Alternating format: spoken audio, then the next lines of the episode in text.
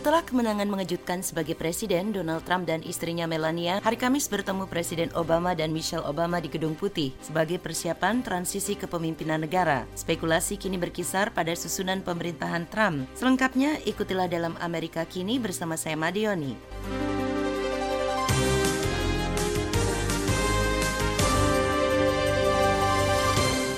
Presiden terpilih Donald Trump dan istrinya Melania bertemu dengan Presiden Barack Obama dan Michelle Obama di Gedung Putih. Pertemuan ini merupakan awal transisi kekuasaan dari pemerintahan Presiden Obama kepada Presiden Donald Trump. Presiden Obama mengatakan meskipun ada perbedaan pendapat di antara keduanya, namun ia menjanjikan transisi kepemimpinan yang mulus sebagaimana yang dilakukan pendahulunya Presiden George W. Bush. So I have instructed my team to follow the example that President Bush's team set eight years ago and work as hard as we can to make sure that this is a successful transition for the president-elect. Presiden Obama mengatakan telah memerintahkan timnya untuk mengambil contoh dari tim Presiden Bush 8 tahun lalu dan bekerja sekeras mungkin untuk memastikan transisi yang sukses bagi presiden terpilih. Kini rakyat Amerika menantikan pemerintahan Presiden Donald Trump dan isu-isu yang akan ditanganinya dalam 100 hari pertama pemerintahannya. Profesor Jennifer Lawless dari American University kepada Associated Press mengatakan pendukung setia kampanye Trump seperti mantan ketua DPR Newt Gingrich, Rudy Giuliani kemungkinan akan menempati posisi sebagai anggota kabinet Presiden Trump.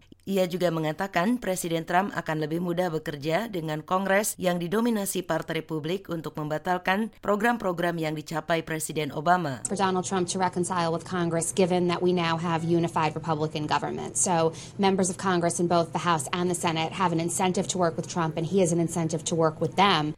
Profesor Lawless mengatakan akan lebih mudah bagi Donald Trump untuk memulihkan hubungan antara Kongres dengan pemerintahan Partai Republik sehingga ada manfaat bagi anggota Kongres baik di DPR dan Senat untuk bekerja sama. Demikian juga sebaliknya jika tujuan mereka adalah membatalkan semua pencapaian Obama. Masalah-masalah korupsi, lingkungan, dan penetapan hakim Mahkamah Agung juga dipandang sebagai isu mendesak yang akan ditangani Presiden Trump. Demikian juga imigrasi termasuk pengungsi Suriah. Foreign policy remains one area where Donald Trump actually has quite a bit of leeway. Presidents do. And he has said things over the course of the campaign like he will wipe out ISIS or he will deal with the Syrian refugees and he will resolve these crises. Profesor Lawless mengatakan kebijakan luar negeri merupakan bidang di mana Donald Trump sebenarnya punya keleluasaan keleluasaan sebagai presiden dan selama kampanye ia mengatakan akan membasmi ISIS atau mengatasi pengungsi Suriah dan akan menyelesaikan krisis ini. Tapi secara khusus kita tidak mengetahui apa rencananya jadi kita tunggu saja. Para analis masih terus memprediksi ke mana arah pemerintahan Trump nantinya, sementara transisi ke pemerintahan